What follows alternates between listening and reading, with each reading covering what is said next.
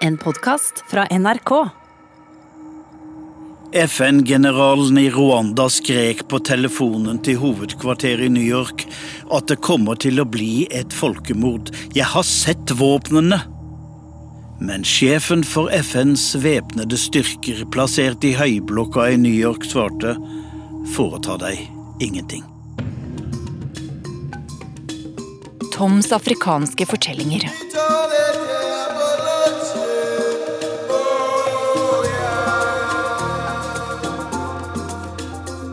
Jeg heter Tom Christiansen og har i mange år reist i Afrika for NRK. Jeg har samlet hendelser og historier. Jeg var korrespondent og rapporterte daglig om godt og dårlig nytt. Jeg har en fortelling om helter og svikere.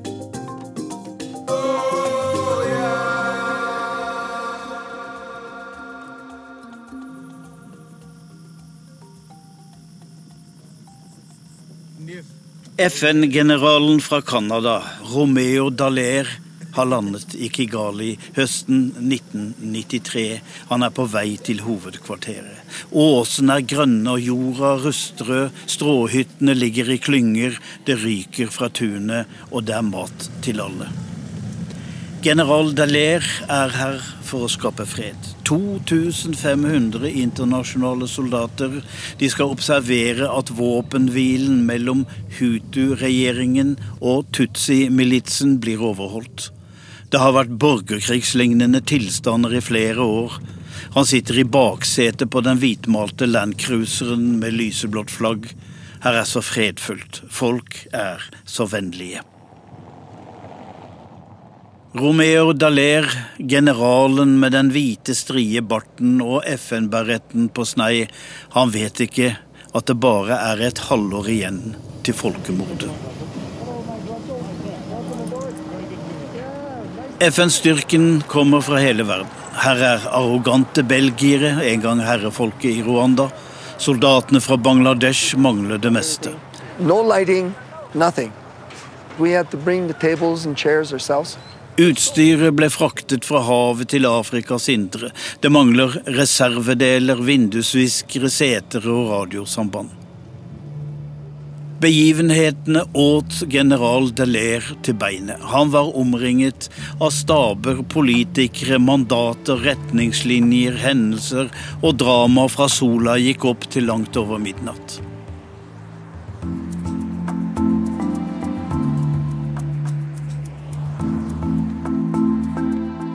Jeg har tråkket i Delairs fotspor etter at folkemordet var over. Rwanda, dette lille, overbefolkede landet mellom Kongo, Tanzania og Uganda, midt i Afrika, uten kyst. En Unicef-rapport fortalte at sju av ti mennesker i dette landet har sett noen bli drept. Så jeg teller. Én, to, tre, de har ikke sett noen dø. Fire, fem, seks, sju, åtte, ni, ti har sett noen bli drept, de fleste med kniver, økser og macheter. Hvordan kan de komme seg videre i livet? Jeg ser også på nesene deres.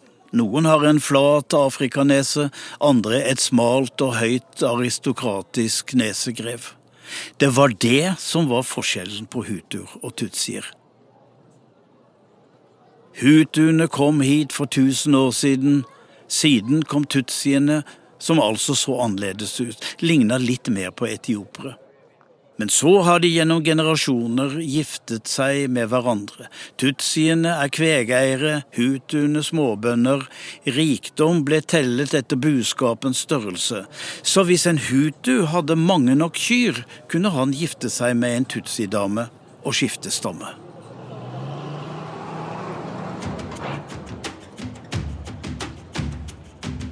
Belgia hadde vært kolonimakten. De satset på tutsiene, selv om de utgjorde mindretallet. De fikk utdanning, stillinger og posisjoner. På ID-kortene sto det navn, alder og tutsi eller hutu. Helsepersonell målte nesenes bredde for å klassifisere befolkningen. Det skapte ondt blod. Hutuene kalte dem innflyttere. Siden fant de et annet ord for tutsier kakerlakker. I 1973 begikk hutuene statskupp. Juvenal Habyarimana tok makten og gjorde Rwanda til et diktatur. Nå var det hutuer som satt i alle posisjoner, og tutsier ble undertrykket. Det var en hevn, og den var blodig. Tutsier ble slaktet som sitt kveg. Hundretusener dro over grensen. En av dem som dro, var Paul Kagame. Han var to år og fulgte sine foreldre til Uganda. En smart gutt, flink på skolen, god disiplin, han ville bli soldat, og det skal ta 17 år før vi første gang hører om ham. Det var en merkelig historie.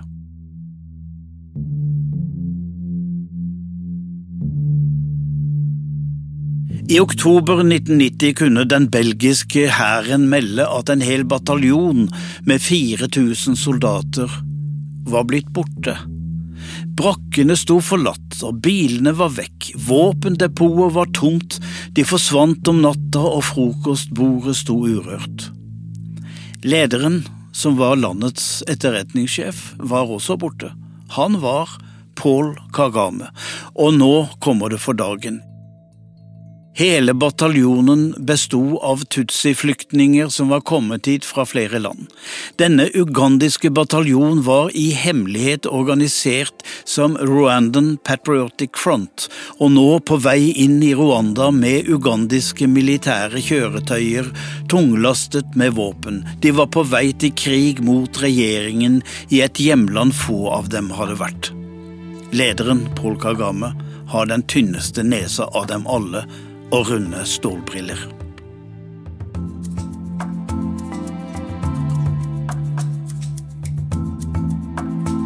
Det gikk ikke så bra. Regjeringen i Kigali ba om forsterkninger fra europeiske venner, og Frankrike sendte 1000 fallskjermjegere, etterretningsoffiserer og elitesoldater. Belgia mobiliserte 400 mann.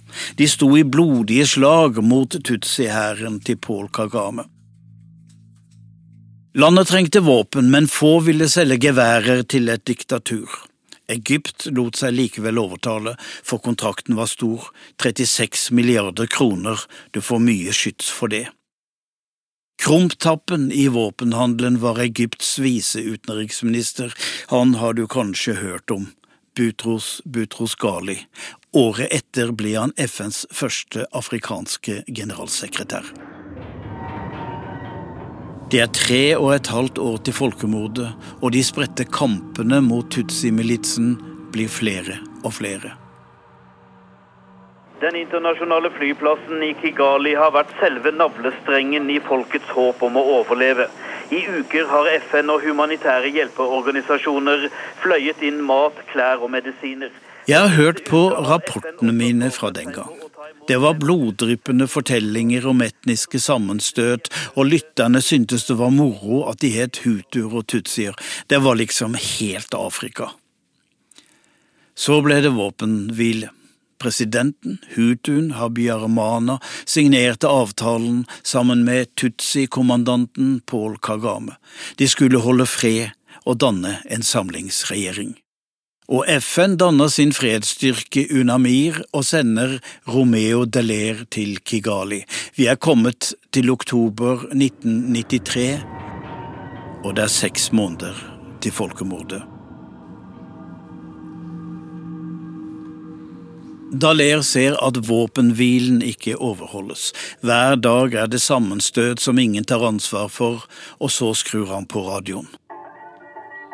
Han lytter til den nye radiostasjonen som sender lokal popmusikk, og som er kjent for mye humor og kvikke programledere, men så får han noen til å oversette hva de sier innimellom på kinyarwandisk.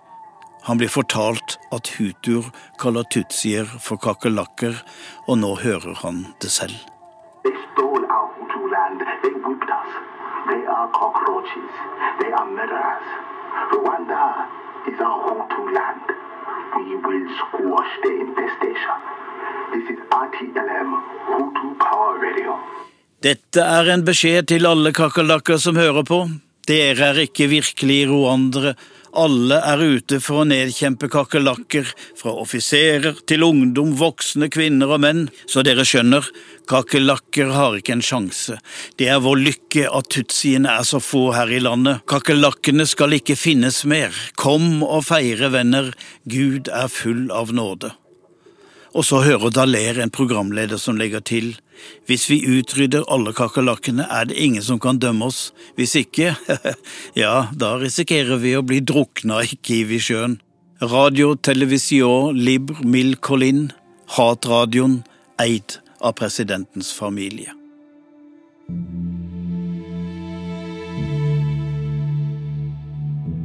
Så får han vite om våpenimporten fra Egypt, men det er verre enn som så. Regjeringen har dannet en egen høyreekstrem milits med frie hender til å handle. Han må stave navnet for å få det rett. Inter Ra Hamve. Og hva betyr det? De som slåss sammen. Presidenten som har signert fredsavtalen og driver hatradioen, han har altså opprettet en dødsskvadron.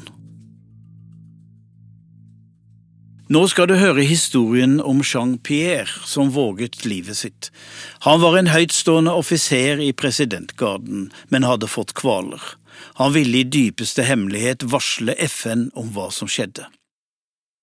I det siste hadde han vært instruktør i ungdomsmilitsen Interahamve. Han skulle bygge opp smågrupper av ungdom i landsbyene, de utarbeidet lister over tutsier, og når timene var inne, skulle de angripes. Ikke Gali skulle ungdommene i løpet av 20 minutter rekke å drepe 1000 tutsier. Ville de klare det? Det var det de trente på. Jean-Pierre var trent til å forsvare landet, ikke henrette naboer.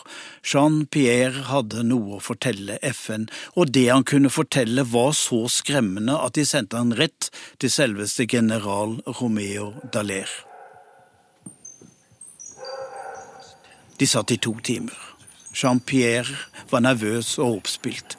Dallaire stilte detaljerte spørsmål. Han har mye kunnskap fra før. Daler rynker pannen. Våpendepoter var lagt ut, særlig i Kigali. Nei, det var ikke skytevåpen alt, de hadde økser og spyd. Fra Kina var det bestilt en halv million macheter, én til hver tredje voksen innbygger. I Kigali var våpnene lagret i fire depoter. Deler kunne, ved litt hjelp og forsiktighet, få se det selv. Han satt taus og hørte. Det var snart midnatt. Her fikk han bekreftet alt. En flodbølge av etnisk vold og hat. Iskaldt, kalkulert og organisert. Alt skulle skylle over dette lille land. Han hadde ikke god tid. Våpenlagrene måtte lokaliseres og innholdet beslaglegges for å stanse blodbadet som skulle komme. Jean-Pierre tok med en FN-offiser og viste ham 137 Kalasjnikov maskingeværer stablet sammen med ammunisjon i et partihovedkvarter. Han ble tatt med til busker og kratt i utkanten av byen hvor våpen var gjemt unna. Geværer og macheter var også gravd ned ved strategiske veikryss. Alt stemte. Alt Jean-Pierre hadde sagt til Delaire var sant. Mobiliseringen var i gang og det er to måneder igjen til at folkemordet kan starte.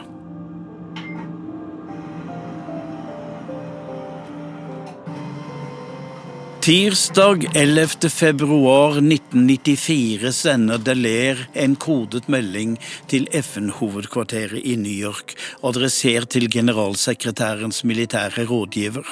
Det var ikke tjenestevei, men han tok ikke sjansen på at beskjeden skulle bli borte på veien. Deler beskrev våpenlagrene og fortalte om tusen tutsier som skulle drepes på 20 minutter, listene, guttegjengene over hele landet.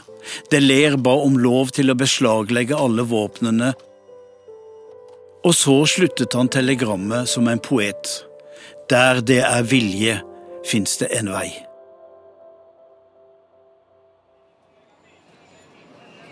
Alarmen gikk i New York. Delaire fikk straks beskjed om ikke å foreta seg noe før ny beskjed følger. Han følte seg lettet, endelig hadde de skjønt. I New York legges saken fram over et av de blankeste kontorpultene i Høyhuset. FNs visegeneralsekretær for de fredsbevarende styrker nøler.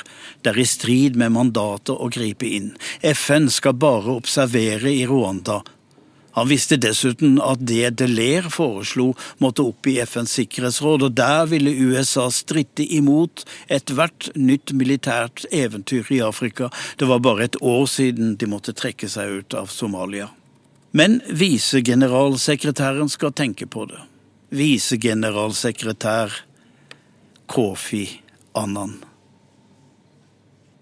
Og over seg har han generalsekretær Butros Butros Ghali, mannen som året før hadde ordnet Egypts våpensalg til Hutu-diktatoren i Rwanda. Annan tenkte fort og sendte bare noen timer seinere et svar tilbake til Kigali. Ingen rekognosering eller andre former for aksjon skal utføres før nærmere veiledning er mottatt fra hovedkvarteret. Ingen våpen skal beslaglegges, altså. With 2,500 soldiers, see, all, Kofi Annan informerte ikke Sikkerhetsrådet og fortalte ikke generalsekretæren om hva som holdt på å skje i Kigali. Han trøstet seg med at det skulle holdes nye fredsforhandlinger. Imens tømmes våpenlagrene i Kigali, og folk får utdelt macheter og økser. Skytevåpen går til Interahamves trente kadre. Deler sender en ny fortvilet kodet melding til New York, men Annan informerer ikke Sikkerhetsrådet nå heller. Rwanda sto på dagsorden først i april. Generalsekretær Butros Ghali forsikret de fem faste medlemmene og alle de andre om at fredsstyrken spiller en stabiliserende rolle. Deler gikk med åpen munn fra kommunikasjonsrommet til kontoret med faksen i handa. Butros Ghali løy for Sikkerhetsrådet. Og det er to dager igjen til folkemordet. Håpet var altså fredsprosessen, og den var i gang. Afrikanske statsledere var samlet i Dar es Salaam. Det ble nok en nedtur for president Habyaramana, så han vendte hjem samme kveld. Jetflyet gled stille gjennom natten, så sirklet det over flyplassen i Kigali og gikk inn for landing.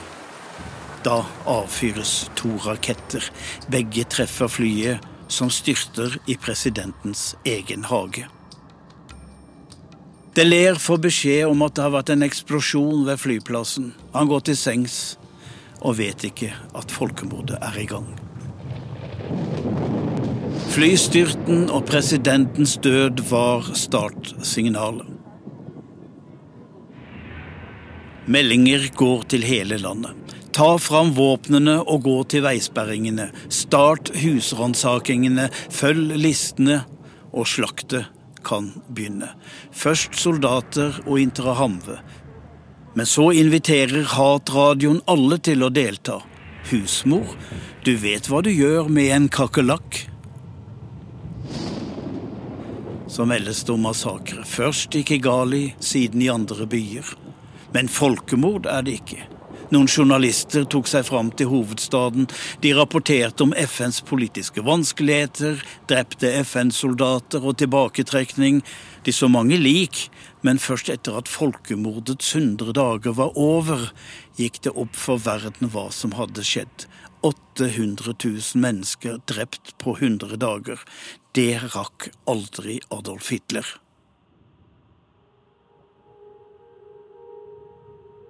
Det var ingen her som drepte dem, det var folket selv. Hvordan var det mulig å manipulere et helt folk til plutselig å drepe naboer og kjente?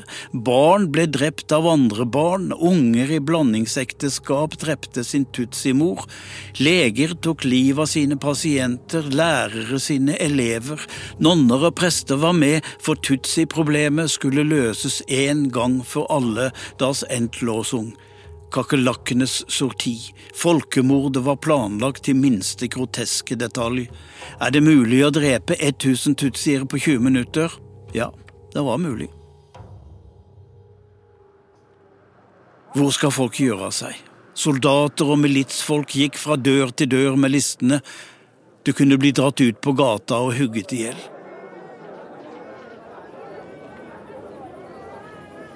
Oppe i åsen lå byens stolthet, de tusen åsers hotell. Tutsier rømte nå til det inngjerdede Hotell de Milcolin, og alle slapp inn. Hotelldirektøren stengte porten for politi og soldater, og bestakk Hutu-soldater med penger og brennevin. Til gjengjeld fikk hotellet mat og drikke til 1200 forskremte. De kokte maten selv, men etter hvert ble det så ille at de drakk opp vannet i badebassenget. Det var skremmende å bo på dette hotellet årene etter folkemordet. Jeg tenkte på all den skrekken som bodde i veggene. I resepsjonen sto fortsatt Pasa. Han bodde ute ved flyplassen den gang, men rakk ikke hjem. Det var han som passet på at feil folk ikke kom inn. Først etter folkemordets hundre dager kunne han dra hjem til familien, men der var det bare lik, kona og ungene. Pasa fortsatte likevel som resepsjonssjef og ønsket meg velkommen. Han sto der som et levende monument over en heltegjerning i denne galskapens tid. Sju uker ut i folkemordet farer en hvit landcruiser på dårlige veier. FN-flagget vaier nøytralt, men pass på, for her går mannen med ljåen over veier og lik. Det er Romeo Daler selv som sitter bak rattet. FN-generalen. I bilen er de væpnet med maskingevær og revolvere. Det henger en stank over landet. Lik er stablet, lagt i hauger, gravet ned. Ennå skal dette marerittet vare i fem uker til. Han skrur på hatradioen. Gravene er bare halvfulle, hører han. Hvem skal fylle dem opp? Programlederen er ikke edru. Deler kjører med lukkede vinduer for lukten av råtnede kropper. Området er beryktet for sine skarpskyttere. Dette var fredelige åkerteiger for bare noen uker siden. Nå er nesten ingenting tilbake. Da ser de en unge krysse veien. Tre år, kledd i en fillete T-skjorte og revnet kortbukse. Håret er hvitt av støv og skitt, han sutter på noe som ligner en BP5, høyenergikjeks fra en hjelpeorganisasjon. Hvor har han fått den fra? Deler går ut og nærmer seg ungen forsiktig. Han har sett så mange barnelik her, hugget i hjel, skåret i biter, løse barnehoder, og her kommer dette vesenet over veien. Han ligner en engel. Da rasler det i blader, og en velutstyrt barnesoldat viser seg. Han peker på Deler med geværet, han gjenkjenner FN-uniformen og gjør militær hilsen. Han tilhører RPF, Kagames Tutsi-milits. Han er i en fremskutt posisjon som speider og etterretningssoldat, men han er bare 15. Imens løper treåringen av gårde, og de følger etter. De ser ham krype gjennom åpningen til ei stråhytte. De snubler etter og må venne seg til mørket. Lukten av råttent menneskekjøtt får magen til å knyte seg, alt vil opp. Hytta har to rom, et kjøkken og et fellesrom. To små vinduer er hulet ut av murveggen, men ikke mye lys slipper inn, og nå kan det ler se. På gulvet ligger en mann og en kvinne, begge er drept. Ved siden av ligger også to barn. Hvite knokler er synlige der huggene har rammet. Huden er som et skinn noen har trukket over skjelettet. Da ser det ler barnet. Han har satt seg ved siden av sin råtnende mor, kjøttbiter faller av kroppen. Varsomt tar han gutten og går ut. Han kjenner kroppsvarmen og faller til ro. Der bestemmer han seg for å berge denne ungen. Dette skal bli hans fjerde barn. Riktignok har han blitt enig med hjelpeorganisasjonene om at ingen skal ta med seg eller adoptere barn fra Rwanda, men har han noe valg? Barnesoldaten avgjør. Forsvinn, ungen er vår. Barnesoldaten marsjerer ungen rett inn i bushen.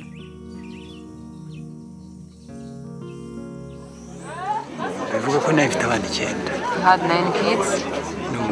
Rwanda gjennomførte sine rettsoppgjør. Folkedomstoler med stammens eldste tok fatt i 800 000 fengslede skyldige. De verste ble dømt i en egen FN-domstol i Arusha.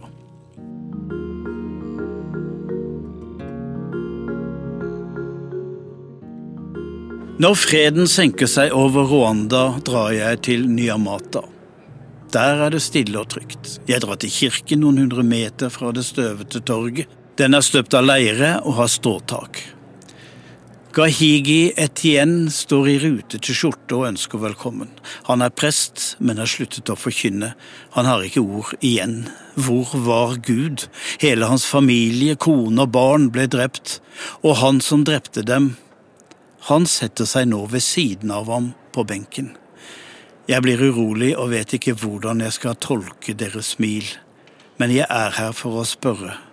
Did you kill the whole family of the priest? Drepte du virkelig hele familien til din egen prest?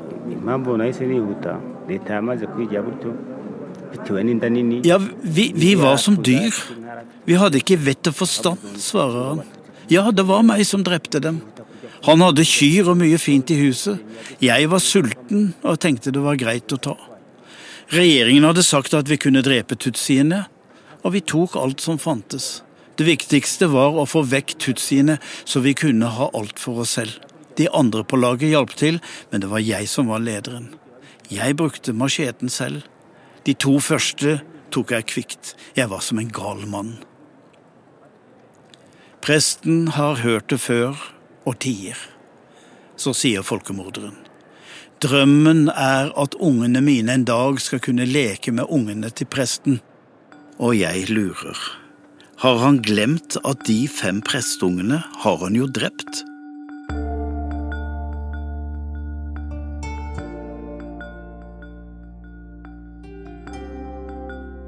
Kofi Annan var lederen for FNs fredsbevarende styrker og sto ansvarlig for hva styrkene utrettet og hva de ikke gjorde.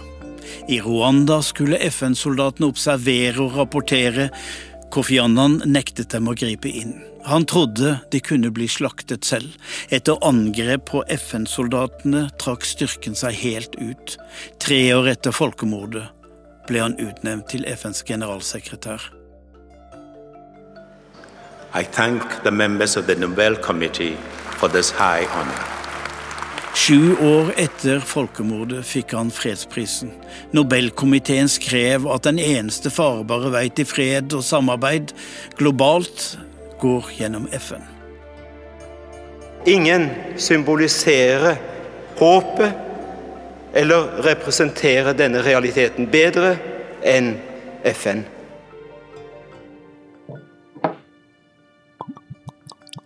Året før Kofi Annan fikk fredsprisen, satt Romeo Deler hjemme i Toronto en kveld og tømte ei hel flaske whisky. Så fant han farens barberblad i en metallboks fra den annen verdenskrig, og så skar han seg sakte nedover lårene, varmt blod strømmet ut, han skulle blø i hjel eller bli reddet. Det han hadde sett i Rwanda, hadde ikke blitt borte. Han hadde gått i terapi for posttraumatiske lidelser, han hadde sett et slaktehus. I tillegg fikk han skylda for at folkemordet fant sted. FN-hæren gikk i oppløsning, han grep ikke inn der han skulle, ble det sagt. Nei, folkemordet var ikke hans skyld, men FN-troppene over ham kom aldri Deler til unnsetning. En kveld fant politiet ham på en parkbenk midt på natta. Han var døddrukken. I know I've been suffering from post-traumatic stress syndrome, and there are times of great depression. Romeo Dallaire forsøkte seg i politikken og ble senator i det canadiske parlament. Han ble ikke lykkelig av det. Han fant først roen da han opprettet sitt eget fond for å hindre bruken av barnesoldater, for aldri mer vil han møte en 15-åring med maskingevær som gjør militær hilsen.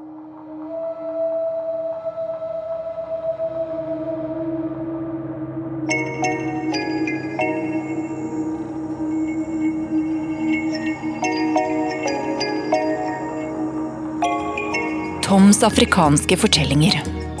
Hele serien av Toms afrikanske fortellinger den finner du i appen NRK Radio. Eller der du ellers finner dine podkaster. Toms afrikanske fortellinger. Klipp og lyddesign var ved Lillian Grønning, og Marius Christiansen har laget musikken.